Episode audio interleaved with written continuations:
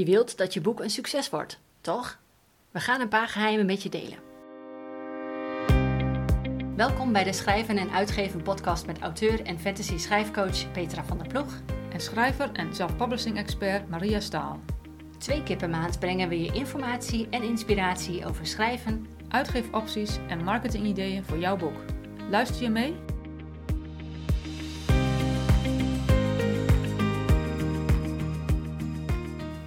Hallo, ik ben Petra van der Ploeg en vandaag is het vrijdag 17 september 2021. Dit is aflevering nummer 3 van de podcast, waarin we het gaan hebben over het succesvol maken van je boek. Maria en ik praten over wat je kunt doen om een perfect manuscript te krijgen, hoe je de vindbaarheid van je boek vergroot als het eenmaal is uitgegeven en wat metadata daarmee te maken heeft. Veel luisterplezier!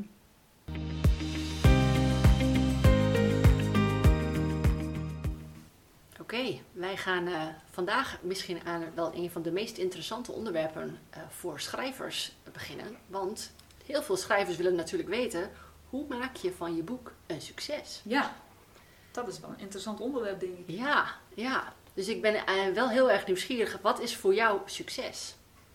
Ja, ik denk dat dat voor schrijvers, er zijn denk ik verschillende soorten succes die je kan hebben. Want kijk, de ene schrijver zegt van ja, ik wil gewoon uh, mijn boek uitgeven en 25 laten drukken en aan mijn familie en vrienden geven. En dan, ben ik, dan is het boek is klaar en dat is al een succes voor mij. En je hebt schrijvers die zeggen van nou, ik heb een vaste baan of een reguliere baan en ik, het is alleen maar een hobby, maar ik wil het wel op bol.com krijgen en wel een beetje mee verdienen. Dat kan natuurlijk ook een doel zijn. En als je dat doet en je verdient wat mee, kan dat ook succes zijn. En je hebt schrijvers die uh, zeggen van ik wil fulltime schrijver worden dat kan ook. Ja. Dus dan heb je, je hebt verschillende doelen en verschillende ideeën en verschillende gradaties van succes. Maar wat denk ik in het geval van deze podcast, waar we het over kunnen hebben, is het, het geval van succes. Hoe kun je je boek zo maken dat het succes gaat hebben? Mhm. Met name als je het wil gaan verkopen op zeg maar een bol.com of iets dergelijks. Ja. Dat, mensen, dat lezers het ook gaan kopen. Ja.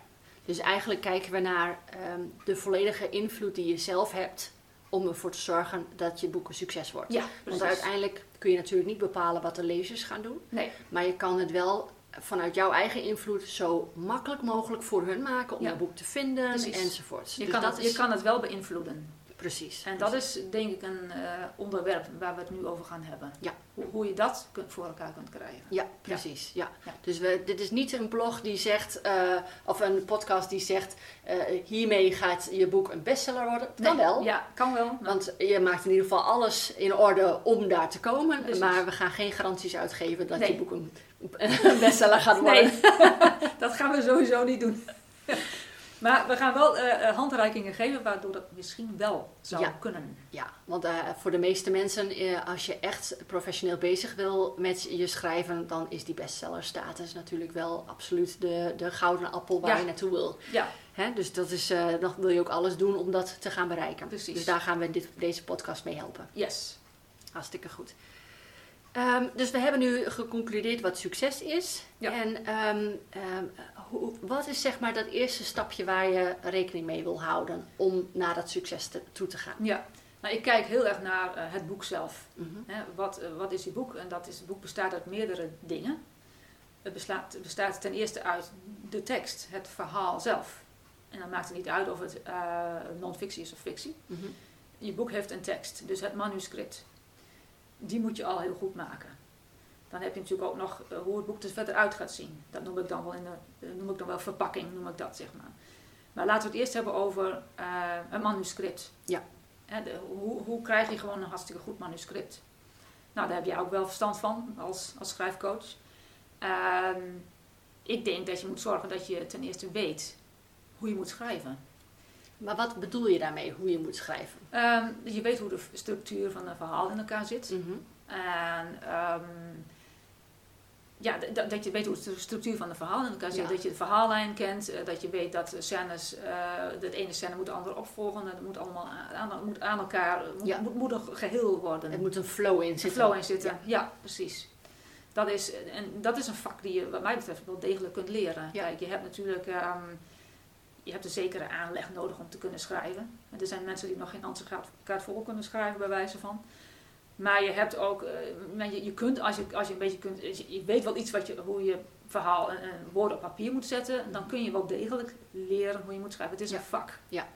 Ja. Dus je kunt beter worden in het schrijven. Ja. Dat sowieso. Wat is voor jou bijvoorbeeld een tip hoe je beter kunt worden in het schrijven? Nou, lees vooral veel boeken. Dus ga, ga lezen. Uh, lees zelf. Ook, maar kijk ook televisie. Hè. Televisieseries zijn natuurlijk ook geschreven. Films zijn geschreven. Hè. Er, zijn, er zit ook dezelfde verhaallijn in. Mhm. Het is wel de structuur. Dus, dus, kijk gewoon naar wat anderen hebben geschreven. Lees, kijk. Ehm, en lees ook boeken over hoe je moet schrijven. Mhm. schrijfboeken. Van hoe, hoe, hoe, hoe, doe je dat dan? Hoe krijg je, hoe krijg je een structuur? Ja. Ja. Dat soort dingen. Dus ik, maar ik, dat is meer jouw, jouw vakgebied. Ja, daarom was ik ook nieuwsgierig naar, jou, ja, uh, jouw kant. ja. Ja. want voor mij is het ook altijd belangrijk uh, als ik een boek wil gaan schrijven over een bepaald onderwerp, dat ik me ga verdiepen in, de, in boeken over dat onderwerp. Met andere woorden, uh, ook met genres. Als mm -hmm. ik een fantas fantasieboek wil schrijven, maar ik lees eigenlijk alleen maar thrillers. Um, Daarmee krijg ik niet de juiste informatie om een goed fantasieboek te schrijven. Dus de structuur is dan al anders. Ja.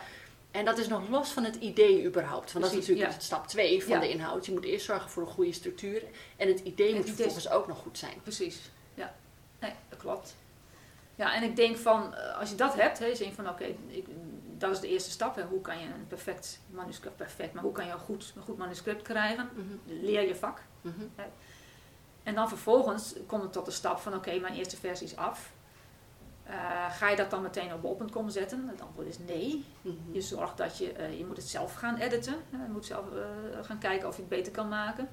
En vervolgens ga je zorgen dat je mensen inhuurt of, of in, binnenhaalt die jouw verhaal gaan lezen en die er als onafhankelijke personen naar gaan kijken. Ja, ja dat is een grote valkuil waar heel veel schrijvers invallen. Die hebben zoiets van ik heb het geschreven, ik heb het daarna gelezen, ik heb het uh, geredigeerd, ik heb alle taalfoutjes eruit gemaakt. Het is nu gewoon goed. Ja. Ja, in jouw hoofd is het goed. Mm. Maar dat is ook logisch, want jouw, het verhaal speelt zich al af eerst in je hoofd voordat je het op papier krijgt. Precies. En als een compleet nieuwe persoon naar jouw verhaal gaat, gaat kijken, gaat het doorlezen, dan komen er plotgaten naar boven, dan komen er dingen naar voren. Dus dat hoeft niet meteen in een betaalde variant, maar je wilt er wel degelijk andere ogen op laten zitten. Ja. En uiteindelijk, voor het perfecte manuscript, is professionele redactie is gewoon belangrijk. Is gewoon belangrijk, ja. ja klopt. Ben ik heel mee eens. En eventueel als je, als je het vak zo aan het, aan het leren bent, dan zou je een schrijfcoach in de arm kunnen nemen. Zeker. Om te kijken. Ja, ja. zeker. En daarbij is wel gelijk heel belangrijk dat je een schrijfcoach neemt die past in het genre waar jij in schrijft. Um, want wat mij heel erg opgevallen is toen ik begon met mijn business, is dat de schrijfcoaches die ik tegenkwam uh, over het algemeen schrijfcoach waren voor alle genres. Oh. En dat is prima. Hmm. Ik bedoel, als je overal iets van weet, dat is goed. Maar uh, als jij een schrijfcoach hebt die specifiek voor jouw genre is, die kan jou veel meer meenemen en veel meer leren over dat type boek wat je wil gaan ja. schrijven dan iemand die niet in dat genre bekend nee, is. Klopt. Hè, ik zou zelf ook nooit een non-fictie schrijf, schrijfcoach gaan inhuren als ik met fictieboeken nee. bezig ben. Nee. Het is een hele andere stramien. Precies. De basis is wel hetzelfde. Maar wil je daar een bestsellerstatus van gaan maken, waar wij uiteindelijk hè, dat succes, Precies. dan zul je dus iemand moeten hebben die echt aansluit op waar, waar jij mee bezig maar, bent. Ja, ja, ben ik met je eens. En welke, wat is de, welke versie zou jij uitgeven de, van dat geschreven? Hoeveel, hoeveel versies maak jij van je manuscript voordat je hem uitgeeft? Uh, tussen de vijf en zeven. Ja. ja dus Ja. eh, hij gaat in ieder geval drie keer eh, door mijzelf heen Mhm. voordat hij überhaupt bij een ander terechtkomt. Ja. Ik heb eh, twee rondes met beta-lezers Mhm. en ik heb eh, daarnaast op dit moment ook twee rondes eh, met een redacteur. Ja. Ehm, daarvoor deed ik dus eh, twee versies van mezelf, één beta-lezer en twee eh, rondes. Hè, dus vandaar Mhm. vijf tot zeven. Ja. Ehm, maar ik moet zeggen, dat is voor mij het magische getal, tussen vijf en Vijf en zeven. zeven, ja, Ja. ja. Ik zelf ook. Ik doe eh, minimaal de vijfde versie die, die, die wordt gepubliceerd. Zeker niet eerder. Nee. Want dan is het gewoon nog niet, nog niet goed genoeg. Niet goed, niet het goed genoeg klinkt zo raar, want het, net of het perfect moet zijn. En dat hoeft niet. Mhm. Dat krijg je toch niet. Maar wel eh, dat, je, dat, dat het publicatie klaar is, zeg maar. Ja. Nou, dat is, bij mij is dat ook de vijfde, de, in elk geval de vijfde versie en, en eventueel verder. En hoeveel paar ogen gaan er voor jou, eh, op jouw verhaal voordat het überhaupt eh, het licht ziet in de publicatie? Ja, ik, ik werk zelf met een schrijfcoach. En ehm, zij begeleidt mij al tijdens het schrijven al, dat ze dingen ziet. En zij is ook nog, zij leest het ook, zij leest de eerste versie. Ja. En zij, zij en ik zijn de enigen die de eerste versie lezen. Mhm. De, de- meestal, de, de, de tweede versie wordt meestal gelezen door anderen. Dus ik heb de, maar zij, omdat ik haar 100% vertrouw, leest zij de eerste versie. Ja, ja. En daar krijg ik al heel veel feedback van. En zij begeleidt mij ook al bij het plotten. Zij, eh, ik ben natuurlijk een plotter. Ja. Dus eh, zij, en zij leest ook al mijn, mijn, mijn, eh, mijn, mijn plot, mijn plotschema's, zeg maar. Ja, ja, Leest zij al door. Dus daar geeft ze al feedback op. ja. Dus zij is er heel erg in de voorbereidende fase. Ook voorbereidende aan- fase, ja. ja. Ja, En dan op een gegeven moment dan is, dat, is de eerste versie klaar. Dan, heb ik, dan maak ik dus de tweede versie. En die tweede versie gaat dan eerst naar, naar een redacteur. Mhm. Dus eh, de Engelse redacteur. En dan zijn er nog ja, één of twee proeflezers. En die redacteur leest het meestal leest het twee keer. Mm. Ja. En daar zit ook dan de, de inhoudelijke redactie. En dat heeft de schrijfcoach ook al gedaan. In principe al met de, met de, met de ja, voorbereidende fase en tijdens het schrijven ook al. En dan doet zij ook nog, die, die andere redacteur doet de, eh, de eindredactie ook. Oké. Dus ik denk vier mensen, vijf, vier, vier. Ja. Hangt een beetje af hoeveel proeflezers ik heb. Ja, ja. Ja, nou ook afhankelijk denk ik wat voor type boek je schrijft. Hè? Want Ja. als jij er over een onderwerp schrijft die ehm, gevoelig kan zijn, wil je ook een sensitivity reader Ja, hebben. ja, Hè, dus je wil op basis van het type verhaal, wil je ook de juiste ogen erop hebben. precies. Ja, klopt. Oké, dus dan hebben we een perfect manuscript. Een perfect manuscript hebben we. En dan? Ja, Gelijk publiceren en we hebben succes. ja uiteraard. Ja. Als het zo zou zijn, hoeven we geen podcast te maken. Wat is voor jou dan de volgende stap? Dus dat is de eerste stap. Ja. Zorg voor een pe- perfect Perfect manuscript. manuscript. Ja. Wat is dan de tweede stap? Nou, zorgen dat je de, de, ja, de verpakking, wat ik dan zeg, eh, perfect maakt. Ja. En met verpakking, ehm, ja, daarbij bedoel ik alles wat met je boek te maken heeft, behalve het manuscript, zeg maar. Ja, dus behal- behalve, de binnenkant. Behalve het schrijven. Ja. Maar het, de binnenkant wel als zijnde van, eh, daarmee bedoel ik dan het binnenwerk. En met het binnenwerk bedoel ik, eh, ik niet alleen, in de traditionele uitgeverij wordt het binnenwerk, dus als je een papieren boek maakt, dan aan de binnen, je hebt de buitenkant en je hebt de binnenkant. En dat wordt het binnenwerk genoemd. Ja. Dus het is gewoon de opmaak van het, van het boek. Ja. Die moet goed zijn. Bij een e-book eh, moet ook een e-book moet goed in elkaar zitten. Moet goed te lezen zijn. Er moeten niet dikke gaten in zitten en een rare, rare eh, tabs of weet ik veel wat. Het moet, eh, dus dat, ook dat hoort bij het binnenwerk van, Ja. van het e-book, zeg maar. Ja. Ook al heb je niet een fysiek boek dan. De leesbaarheid eigenlijk ook. De leesbaarheid, ja. ja, En hoe, hoe het boek eh, goed op de pagina valt. Hè, dat je niet één woordje nog onderaan de zin hebt en dan, of, of weet je, dat soort dingen. Ehm, dus dat, dat is met papieren boeken natuurlijk. Bij e-boeken heb je dat minder. Mhm. Maar bij, bij e-boeken heb je wat je bij e-boeken soms ziet. Dan kun je onmiddellijk zien, oké, dat is een zelf in elkaar gezet. Dat bijvoorbeeld het volgende hoofdstuk niet begint op de volgende pagina. Als Ja. je, dus maar dan meteen eronderaan zit. Nou, dan denk je al van, ja, oké, dat is dus fout gegaan. Ja. En, en dat is, oké, dat is dan nog een minder iets, van, daar val je niet zo erg over, maar het is wel een teken dat je denkt van, hmm, ja. dan is het binnenwerk van het e-book niet goed. En dat zie je sowieso bij het begin, want je hebt over het algemeen altijd de eerste pagina is dan misschien de titel en de, de naam van de auteur en misschien de, de copyright Mhm. informatie. Maar als dat allemaal achter elkaar aan op één Ja, pagina ja. staat, dan weet je, er is geen opmaak op Dat is precies, precies. Ja. Ja. Kijk, dat moet je dus, het binnenwerk moet goed zijn. Ja.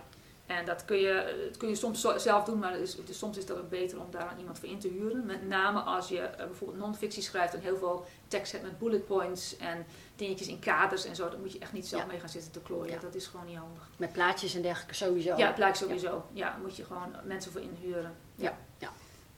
Even kijken, wat heb je nog meer? Nou, wat nog meer bij de verpakking hoort, is, eh, is het is binnenwerk en de metadata. Wat is de metadata? Ja, dat is wel zo'n woord wat overgewaaid is uit Engeland, of Ja. uit Engeland, uit de Engelstalige uh, uitgeefwereld.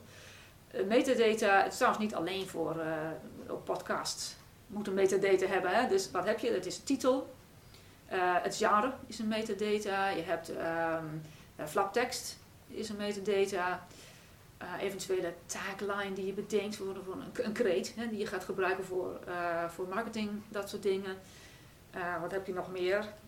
Ehm, de cover, uiteraard, had ik dat al gezegd. ik weet het niet. Had je nog niet Had gezegd? niet gezegd. Dat is wel het belangrijkste. ja. Ehm, dat, alles wat, alles wat het boek maakt tot het boek, ja, dat lezers het in- of daadwerkelijk in handen kunnen hebben als het papieren boek is, of Mm. dat, ze, dat het er goed uitziet op de e-reader of de, de iPad Ja. van, de, eh, van de lezer. Kun je het omschrijven als zijnde uh, metadata is eigenlijk hetgene wat jouw boek uniek maakt. En op deze manier kunnen met metadata kunnen mensen jouw boek vinden? Ja, ja. Ja, ik denk zeker bepaalde dingen uh, zijn heel belangrijk. Want kijk, lezers tegenwoordig uh, zoeken heel veel lezers, kopen heel veel lezers boeken op uh, via het internet. Daar kun je van vinden wat je. Dus jammer, boekhandels gaan weg, bla bla. Dat kun je, maar goed, het is een feit. Mm -hmm. Dus moet je gewoon mee leren leven. Ja. En daarom moet je ook zorgen als schrijver dat jouw, jouw, jouw boek, of nou een papieren boek is of een e-book, heel goed vindbaar is mm -hmm. op uh, sites als bol.com en Kobo en Amazon. Ja. En dat doe je dus door perfecte metadata toe te passen. Dus dat je, als je zorgt dat je cover goed in elkaar zit. Uh, want kijk, een, een, meestal zal een lezer niet zoeken op jouw schrijversnaam of de titel van je boek. Meestal gaan ze naar, oké, okay, ik hou van detectives. Ik klik detectives aan en kijk welke boeken er allemaal van tevoor, tevoorschijn komen in de zoekresultaten. Ja. En als Jan, uh, dan zien ze dus alleen het kleine plaatje ja, van jouw cover. Van jouw cover. Ja. En die moet meteen aanspreken. Mm. Dat is meteen het eerste. En Ja. als jouw cover al niet goed uitziet, dan scrollen ze gewoon mooi verder naar het volgende boek en het volgende boek en de volgende pagina. Ja. Dus dat is, eh, daarom is de cover juist zo belangrijk. Het heeft echt letterlijk anderhalve seconde tijd om de aandacht te trekken. Ja. En dat gaat natuurlijk samen met de titel, die moet leesbaar zijn. Zelfs op het kleine pielplaatje. Ehm, dus dat, je hebt letterlijk heel erg kort tijd om de aandacht te trekken en de, lezer zover te krijgen die zegt: Oké, dat boek ga ik op klikken en ik ga naar de boekpagina. Ja. Je wil in ieder geval dat hij in een scrollmodus stopt bij jouw boek. Stop bij jouw boek. En al Ja. is het alleen nog even om te zien, oké, wat, voor- wat, wat is dat voor cover? Even kijken. Ja, En dan is natuurlijk meerdere dingen die van toepassing zijn, of die Ja. wel of niet erop gaat klikken, Precies. enzovoorts. Maar je wil in ieder geval dat de cover al het stopgedrag stopgedrag. Ja. veroorzaakt. En op het moment dat hij stopt, kan hij gaan lezen: Wat is de titel? Oh, oké, huh?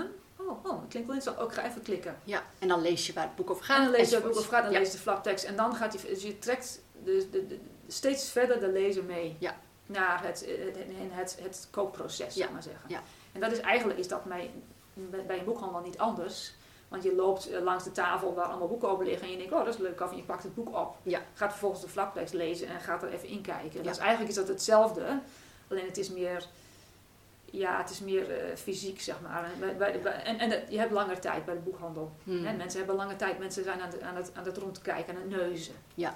En bij, bij, een, eh, bij bol.com neuzen ze ook wel, maar op een andere manier. Het gaat veel sneller. Ja. Het gaat veel sneller. Dus daarom is die cover juist zo belangrijk.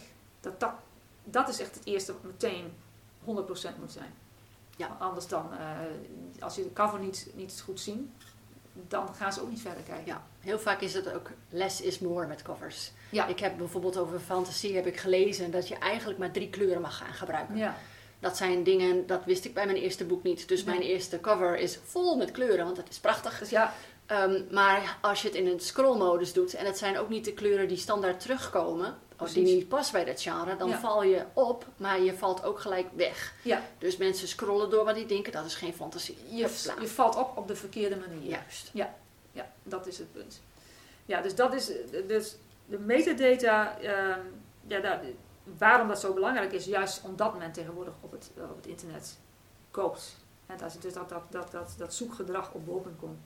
En hoe kun je nou voor jezelf bepalen wat goede metadata is die voor jouw boek van toepassing is? Ja, dat doe je door eh, te kijken naar de bestsellers in jouw genre. Mhm. Dat kun je dus doen op bol.com, maar je kan ook kijken op Amazon of Kobo bijvoorbeeld. Dus ga gewoon naar, ehm, je, je gaat gewoon naar die, naar, die, naar die webwinkel en je klikt gewoon aan eh, het genre wat jij leuk, waar jij in schrijft. Mhm.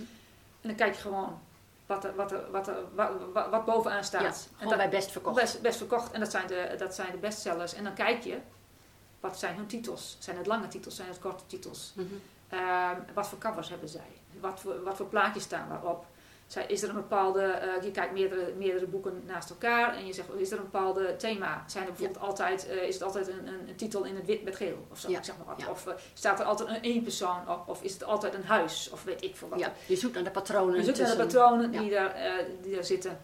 En je kan gaan kijken van, ehm, als je hebt over flaptekst, van oké, je gaat al die flapteksten lezen van, van wat zijn, hoe zijn, zitten die flapteksten in elkaar? Ja. Hoe kan ik zorgen dat mijn flaptekst net zo goed wordt als die flapteksten? Nou is de, is de flaptekst wel, komt iets later in de lezersreis, de lezerszoekerreis, zeg maar. Mhm, mhm. Want het is, het is cover, titel, prijs, flaptekst. inkijkexemplaren. Zo Ja. moet je dat zien. En als je bij inkijkexemplaar komt, hè, dat is wat je op bol.com komt, kun je het aanklikken, inkijkexemplaar, kun je in, het boek inkijken. Dat is net als in de boekhandel het boek doorbladert. Ja. Dan heb je ze bijna te pakken. Ja, ja. Dus dan valt of staat het ook misschien nog wel met die opmaak. Waar we het Ja, nu net over hadden. Ja, precies. precies. Daarom is binnenwerk ook belangrijk. ja, ja. En natuurlijk de eerste 10%. Want op, eh, kijk, bij een, een boekhandel kun je het hele boek doorbladeren. Bij bol.com kun je meestal alleen de eerste 10%. Of bij Amazon eh, Ja. een klein stukje. Ja. Dus je moet zorgen dat die eerste 10% het allerbeste zijn. Hmm. En bij e-books, bij bijvoorbeeld bij Amazon, kun je een, eh, een, een, een, een, sample noemen ze. Dat kun je downloaden. Op je, dus dan kan je, krijg je die, die 10% krijg je op je e-reader. En die, dan kun je alvast gaan lezen. Mhm. Dus da, en dat, en dat is ook, dus daarom is die eerste 10% zo super belangrijk. Dat die, dat die heel erg goed. Dat, dus je eerste hoofdstuk, je eerste hoofdstuk, je eerste scène, je eerste paragraaf, je eerste alinea, je eerste zin, je eerste woord. Zo moet je, zo moet je het zien. Die moet perfect zijn. Ja. Daar gaan we nog een andere blog- podcast over doen. Want dat is een heel interessant gegeven. Maar dat is ook gelijk een heel goede valkuil waar schrijvers invallen. maar dat doen we op een ander Ja, moment. dat, dat lijkt me, ja. Dus, ehm, dus ja, metadata, heel belangrijk. Ja. Dus die perfecte verpakking. Ja. Eh, dus je hebt nu inderdaad een structuur, heb je aangegeven hoe de lezersreis, dat is ook een mooie Ja. gegeven. Hè? Ja. Verdiep je in de lezersreis van jouw lezer. Van jouw lezer, ja. En dat is dus ook precies wat heel veel schrijvers niet doen. Want als jij niet bepaalt wat je, wat je genre is, Mhm. zul je ook nooit je lezersreis kunnen ontdekken. Nee, nee, Hè, precies. dus, dus je kan niet zeggen, van, ik heb een boek geschreven, het staat op bol.com. En dan maar verwachten dat jouw lezer hem wel vindt. Want Ja. als jij niet eens weet wat het genre is, ja, nee. Gaat, jouw, Ga- gaat jouw lezer dat ook niet gaat het vinden. zeker niet vinden. Nee.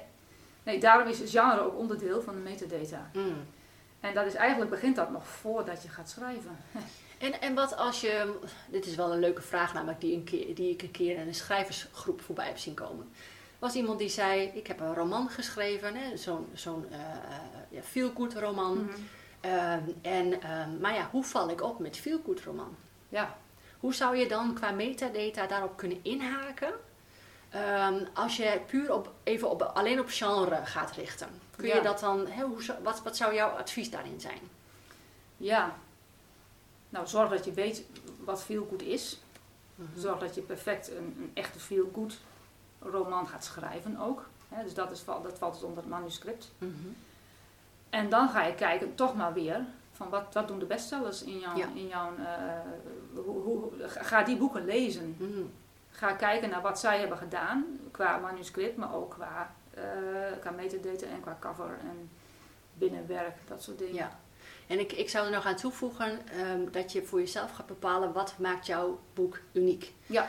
Want eh, een feel-good roman, hartstikke leuk, maar er zijn verschillende variaties. Ja. Dus ook daarin kun je misschien nog meer richting je niche. Ja. Welke, wat, welke categorie onder Precies. de feelgoods valt jouw boek onder? Precies, want je hebt genre of categorie, hetzelfde. Mhm. Eh, en eh, zoals op Amazon, maar ook op bol.com kun je, je hebt een hoofdcategorie, hè, feel good, maar dan heb je bijvoorbeeld paranormal. Mhm. Of je hebt eh, sweetheart, of je hebt, eh, weet ik veel, hardcore, of weet ik Ja. veel, ik zeg, ik zeg maar wat. wat voor soort, ik weet niet precies wat Hardcore romance. ik ben Hardcore heel romance. nieuwsgierig wat dat is. ja, precies. Nee, dus je moet zorgen dat je de meest, eh, dus je, je kiest je hoofdcategorie, dat zal dan veel goed zijn, en daar kies je, zo, je gaat zo diep mogelijk in de, de subcategorieën. Ja, ja. Dat is het allerbelangrijkste. En daarom is het belangrijk dat je weet wat jouw boek is. Ja, want dat is dus wat, wat ik merk bij eh, hoe ik er zelf ook in eerste instantie in ging, is als ik het eh, fantasy romance hou, dan vindt de, meeste mensen vinden mijn boek dan, want dan is het heel globaal. Alleen Ja. het nadeel is dat er dan zoveel verschillende Hmm. boeken zijn die in die categorie vallen, Ja, dat je niet eens meer opvalt. nee. Maar als je er vervolgens dark fantasy, Mhm. romance en dan eh, desnoods nog weer een subcategorie eronder, hoe dieper je gaat, hoe hoe minder gaat. mensen het vinden, maar hoe, hoe meer je jouw lezer vindt. Ja, precies. Want die, jou- jouw lezer, jouw doelgroep, zoekt op die subcategorieën. Klopt, die zoekt Ja. niet op dat bovenste Nee, fantasy nee. romance, want dan krijgen ze ook te veel keus. Te veel keuze, daar zitten misschien 10.000 in. Ja. Terwijl in jouw eh, dark romance, vampire, eh, weet ik veel wat, eh, dolphin romance, whatever, zit misschien maar 50 boeken. Ja. En daar komt jouw boek dan op nummer 1 te staan. Want Precies. jouw, jouw boek is natuurlijk de beste. Ja, ja. maar dan Dus- val je op. En dan dan, val je op. dan is de kans dat je boek gekocht wordt ook veel groter, Groter. dan dat jij in een categorie zit waar heel veel mensen jouw boek kunnen vinden, maar doordat er zoveel boeken in zitten, dat je gewoon weg niet gevonden wordt. Nee, dat je niet gevonden wordt, klopt. Ja, nee, dat is een goeie. Dat hoort ook bij de metadata, is inderdaad uh, genre, hè? Dus, dus categorie, maar ook vooral subcategorie. Ja, ja. Ja. Ja, dat is op Amazon nog wel een uitdaging, moet ik zeggen. Ja, Want ja. die hebben de subcategorieën wat niet altijd even logisch is. Nee, Dus, nee. En zeker als je een serie schrijft, de ene boek valt meer onder de dark fantasy en de andere misschien meer onder. Dus je kan ook Ja. niet alles in dezelfde categorieën gooien dan. nee. En, Het is en een uitdaging. Dan is nog een technisch, technisch zeer grote uitdaging, is dat als jij je boek, eh, als je een e-book uitgeeft via, eh via eh, Kobo Writing Live, Mhm. omdat je wel bol.com wil hebben, dan kun je op Kobo Writing Live keurig eh, categorieën en subcategorieën en sub-subcategorieën invullen, maar die worden niet overgenomen op bol.com. Hmm. Dus dan krijg je daar een groot probleem. Omdat bol.com niet dat soort categorieën Die heeft? hebben ze wel met andere soorten. Ah, dan En, kan die er niet in. Ja, nee, nee. En dat is dus een probleem wat wij zelfpappers hebben. Ja, Yes. Maar dat is niet een reden om niet op Kobo Writing Live e-book uit te gaan geven. Nee. zeg ik maar meteen erbij. Maar dat is ook weer een heel ander onderwerp. ja, wat dat betreft zul je op elke platform eh, specifieke acties moeten doen om, Ja. hè, om hem Ja. daar naar boven te halen. Precies. Ja, Oké, hartstikke goed. klopt. Dus de, eh, heb je nog iets anders toe te voegen over metadata? Eh, metadata denk ik niet. Ehm, ja, wat nog wel zo is, dat er dus... ehm, je hebt twee verschillende soorten als je kijkt naar eh, hoe, hoe metadata wordt gebruikt op eh, eh, webwinkels. Bijvoorbeeld bol.com, maar ook Amazon zijn zoekmachines. Mhm. Dus als je daar dus op plaatst, dan eh dus lezers zoeken via door, door op de zoekding iets in te vullen. En ehm, daardoor komen de zoekresultaten naar boven toe.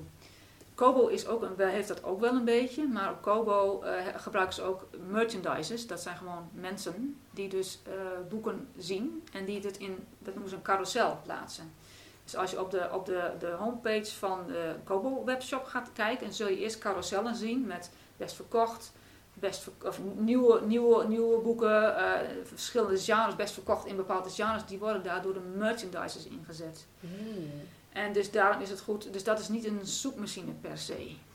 Maar dat wil niet zeggen dat je metadata niet goed gaat, want niet goed moet zijn, want de merchandisers kijken naar je metadata. Dat hoeft niet de lezer te doen. Dus het is eigenlijk een soort van, die maken een soort van voorkeuze, zou ik maar zeggen, voor de lezer alvast. Ja, ja. Daarom is Kobo, en niet alleen Kobo, Barnes Noble heeft dat geloof ik ook, maar dat is misschien meer voor Engelstalige eh, mensen die het Engelstalig schrijven. Maar die hebben dat, dat is een ander systeem. Dus daar, daar kun je een beetje rekening mee houden. Maar je metadata moet altijd goed zijn. Ja, en ik denk ook eh, de keywords die je gebruikt, Ja. die je koppelt aan Mhm. eh, de, de, de, de, de trefwoorden, die Ja. je koppelt aan jouw verhaal, Ja. ehm, maak die ook zo specifiek mogelijk. Ja. Want als je daar ehm, vampier, weerwolf, eh, Ja. nou ja, noem maar op, dan, dan word je niet gevonden. Nee, want heel nee. veel boeken gaan daarover. Precies. Maar heb jij een boek eh, over een, een, een specifiek wezen dat, eh, waar, wat nog niet zo heel bekend is, een Japanse folklore, een kitsune of iets dergelijks, Ja. zoek daar maar eens op. Dan krijg je een stuk minder boeken naar Ja. voren. Ja. Want dan weet je, als iemand zoekt op kitsune, dan vindt hij ook echt boeken over dat onderwerp. Ja. En dat is net als weer met de categorieën, zorg dat ook je trefwoorden daarin wat meer die uniekheid naar, voren, ja. naar voren gaat halen. Precies. Zodat je boek weer makkelijker vindbaar wordt. vindbaar. Ja, want dat is waar het om gaat. Het moet vindbaar zijn. Klopt. Ja. Dan hebben we nog één vraag. Ja. En misschien dat er nog wel allerlei andere vragen uit voortkomen. maar ehm, je hebt natuurlijk dan je metadata helemaal in orde. En dan is de vraag, hoe ga je je boek publiceren? In welke vorm ga je het publiceren? Want Ja. je hebt paperback, hardback, e-book, audiobook. Je kan zo gek niet bedenken. Eh, Wat, wat ga je doen? Eh, Er zijn genoeg schrijvers die zeggen, nou ik doe alles. Mhm. Of ik begin alleen eerst even met de paperback. Ja. Wat is jouw advies daarin? Mijn advies daarin is om altijd in elk geval papier en e-book te doen. Mhm. dat is gewoon, eh, zeker sinds, eh, sinds eh, de, de corona en de, de lockdown van vorig jaar, hè, 2020, ehm, zijn steeds meer mensen e-books gaan lezen, ook in Nederland en België Mhm. sowieso. Dus zorg dat je altijd een papieren boek hebt, maar zorg ook dat je een e-book hebt. Want het, dan kan de lezer de keuze maken en hoef jij de keuze voor de lezer niet te maken. Nee, nee. Dus, eh, want hoe meer soorten, hè, formaat een boekje hebt, papier, eh, hard, hardcover, eh, e-book, hoe meer keuze de lezer ook heeft. Mhm. En dat zal hij onthouden. Hè. Hij zegt van oké, deze, deze schrijfster doet altijd dit en ik, ik kan zowel papier, ik kan, dus die, die, die wordt daar blij van. Ja, ja. Dus dat, doe dat in elk geval. Ja, dus de basis is in ieder geval paperback of hardback. In, in elk geval paperback en e-book. Ja. En dan be- be- bepaalde eh, genres, bijvoorbeeld fantasy, eh, kun je vaak ook hardcover doen. Want dat zijn hardcovers bijvoorbeeld veel populairder. Mm. Maar bijvoorbeeld voor detective hoef je geen hardcover te doen. Ja, kan wel. Mm. Maar dat, dat zou niet mijn eerste keus zijn. Dus ook hierin moet je eigenlijk weten wat jouw lezer doet. Wat je lezer doet. En wat, wat, wat gebruikelijk is in jouw genre. Ja. En wat je daarmee kunt doen, is dan moet je niet gaan kijken naar wat de lezer doet. Je, je vraagt aan wat andere schrijvers in jouw genre, hoe die dat hebben gedaan. En wat Mhm. hun resultaten zijn. En dan ga je kijken van, oké, daar kan ik dingen aan, uit opnemen. Dus bijvoorbeeld, ga bij een, een Facebookgroep of eh, een forum. Eh, waar schrijvers in zitten. Die in, of, of, eh, je hebt vast ook wel eh, Facebookgroepen over van, voor schrijvers van een bepaald genre. Hè. Dat soort dingen. Oh, die heb je. Ja hoor. Ja, vast. Ja. Dus ik weet, want ik ben van, schrijf- lid van schrijversgroepen over detectives. Dus Ja. dat klopt. Dan kun je daar specifieke tips krijgen over specifieke jouw genre. Ja. En daar kun je dan horen van, oké, ja nee, meer mensen kopen mijn hard, hardcover, wordt meer verkocht. Oké, dan zorg je er in dat je ook een hardcover hebt. Ja. Maar zorg in elk geval, paperback en e-book is bij mij betreft altijd de basis. Ja. En als je dan een hardcover erbij wil doen, sowieso. Of ja, audioboek kan natuurlijk ook. Alleen ja, dat, is wel, dat kost heel veel meer eh, geld om een audioboek te maken. Dus Ja. dat is wat mij betreft altijd de laatste stap. Tenzij je heel veel geld hebt liggen. Ja, ja. Ja, dat is, dat is voor mij eigenlijk ook de laatste stap hoor, Ja. audioboek. Want eh, dat is ook weer een heel specifieke doelgroep die je daarmee eh, Ja. eh, ehm, eh, bedient. En tegelijkertijd, als jij net begint, heb jij eh, genoeg dingen waar je moet in, Mm. eh, in moet investeren. Ja. Ehm, als je dan keuzes moet gaan maken, dan is audioboek maken is gewoon niet, Is niet- die is- eerste keuze. is niet een top eh, prioriteit. Nee. zeker niet. Nee. Dus zorg dat je zoveel mogelijk soorten van jouw boek maakt. En je wil je boek op bol en Ja. daarmee zijn we klaar. Ja. Nee. nee, zijn we dan niet klaar? Nee, zijn we niet klaar. Nee, hetzelfde als dat je zegt van ik ga over alleen mijn boek maar in de plaatselijke boekhandel. Ja, dan Ja. verkoop je natuurlijk een paar, maar niet heel veel. Want de mensen die ergens anders wonen, kopen jouw boek dan niet. Nee. Dus ik zou zeggen, eh, doe op zoveel mogelijk, zoveel mogelijk plaatsen in zoveel mogelijk vormen. Dat is Mhm. eigenlijk wat het is. Ja. En in Nederland en België zijn dan met name ehm bol.com Mhm. is heel erg belangrijk. Mhm. Maar vlak ook Amazon niet uit. Die wordt steeds populairder. Qua eh, e-book en, en papieren boeken om daar te kopen. Kobo wordt, is populair, ook vanwege Kobo Plus, hè, Mhm. het abonnements ehm, eh, lezen. Mhm. Eh, wat heb je nog meer? Nou ja, het CB zou je kunnen doen, maar dat is lastig. Ik zelf zeg altijd, dit is een, dit is een, een, probleem wat ik als zelfpap-expert nog niet heb opgelost. Dat zeg ik meteen maar even bij. Eigenlijk zou je ook zoveel mogelijk moeten proberen om je boek op bibliotheken te krijgen. Mhm. Want je kunt wel zeggen van, nou dan kunnen mensen gratis mijn boek lezen. Ja, nee, maar men- mensen die boeken via de bibliotheek lezen, worden soms ook kopers. Mhm. Dus het is niet zo dat je, je, je krijgt er meer naamsbekendheid van. Bovendien kun je via Lira echt wel eh, geld krijgen voor eh, een leenvergoeding. Dus en dat is, als, je dat veel, als je veel uitleent, eh, kan dat best in papieren lopen. Het probleem is met papieren boeken, die zijn lastig om in de bibliotheken te krijgen. Mhm. Omdat ze lang niet alle boeken aannemen. E-boeken kun je wel in, al in de online bibliotheek krijgen. Alleen dat kan alleen via het CB. Mhm. En ik heb nog niet een manier gevonden om dat te doen zonder het CB. Of als je dat eh, wel via het CB, maar dan niet met een CB-aansluiting. Dus dat, daar ben ik nog aan het... Ik weet ook niet of het bestaat, daar ben ik nog aan, aan het kijken. Ja, ja, maar zo zie je maar weer dat zelfs iemand die inderdaad eh, al 14 boeken heeft uitgegeven, Hmm. zoals jou, je Ja. zit nog steeds tegen bepaalde vraagstukken. ja. En dat is die constante verdieping. Eh, je blijft aan het leren, je blijft aan het verbeteren. Ja. En de basis is gewoon perfect product naar buiten brengen. Ja. In de vorm zoals die natuurlijk het beste perfect kan worden. Kan hè? Bedoel, ja. Het zal nooit letterlijk perfect zijn. nee, nee. Ehm, eh, want dat zie je ook met boeken die eh, vi- via alle professionele manieren naar buiten gekomen zijn. Mm. Ja. Via uitgevers, via de grote namen, Stephen King Ja. boeken, Ja. eh, J.K. Rowling. Er zitten heus nog wat typfoutjes en dergelijke in. Precies, precies. Maar je wil hem zo goed mogelijk maken voordat je hem naar buiten doet. Ja, voor de buiten doet. Om, zodat het succes kan hebben. En wat mij betreft is succes als de lezer mijn boek koopt. Ja. Maar het hoeft geen bestseller te worden. Dat is niet, want dat is wat je in Nederland vaak ziet. Oh, je boek moet een bestseller zijn. Ja. Je kan toch ook gewoon honderd, je kan toch blij zijn met honderd boeken die je verkoopt. Hè, Ja. bij wijze van. Dit hangt allemaal af van je doel. Klopt. Hè, en hoe je jezelf, voor jezelf het succes eh, definieert. Ja. Dat, dat, is, dat is wat het is. Ja. En, En dat is, en dat is voor iedere schrijver weer anders. Ja.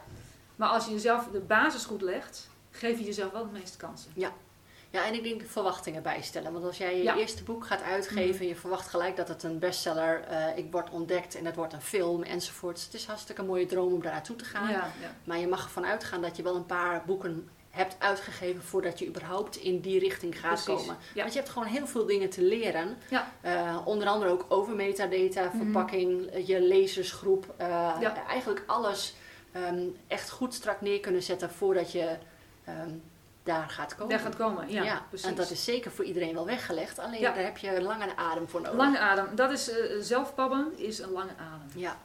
Het is een marathon. ja. Ja. Heb je nog een laatste tip die je wil meegeven? Nou, ik zal even kijken. Eh, ik had wat kleine dingetjes opgeschreven. Nee, het is eigenlijk precies wat jij zegt. Heb ik opgeschreven. Ja. Als, als conclusie. Heb ik dat gewoon even mooi afgerond. ja, hartstikke goed. Dit was weer een eh interessant eh, eh, gesprek met jou. Dus Ja. dank je wel eh, hiervoor. Ja, graag gedaan.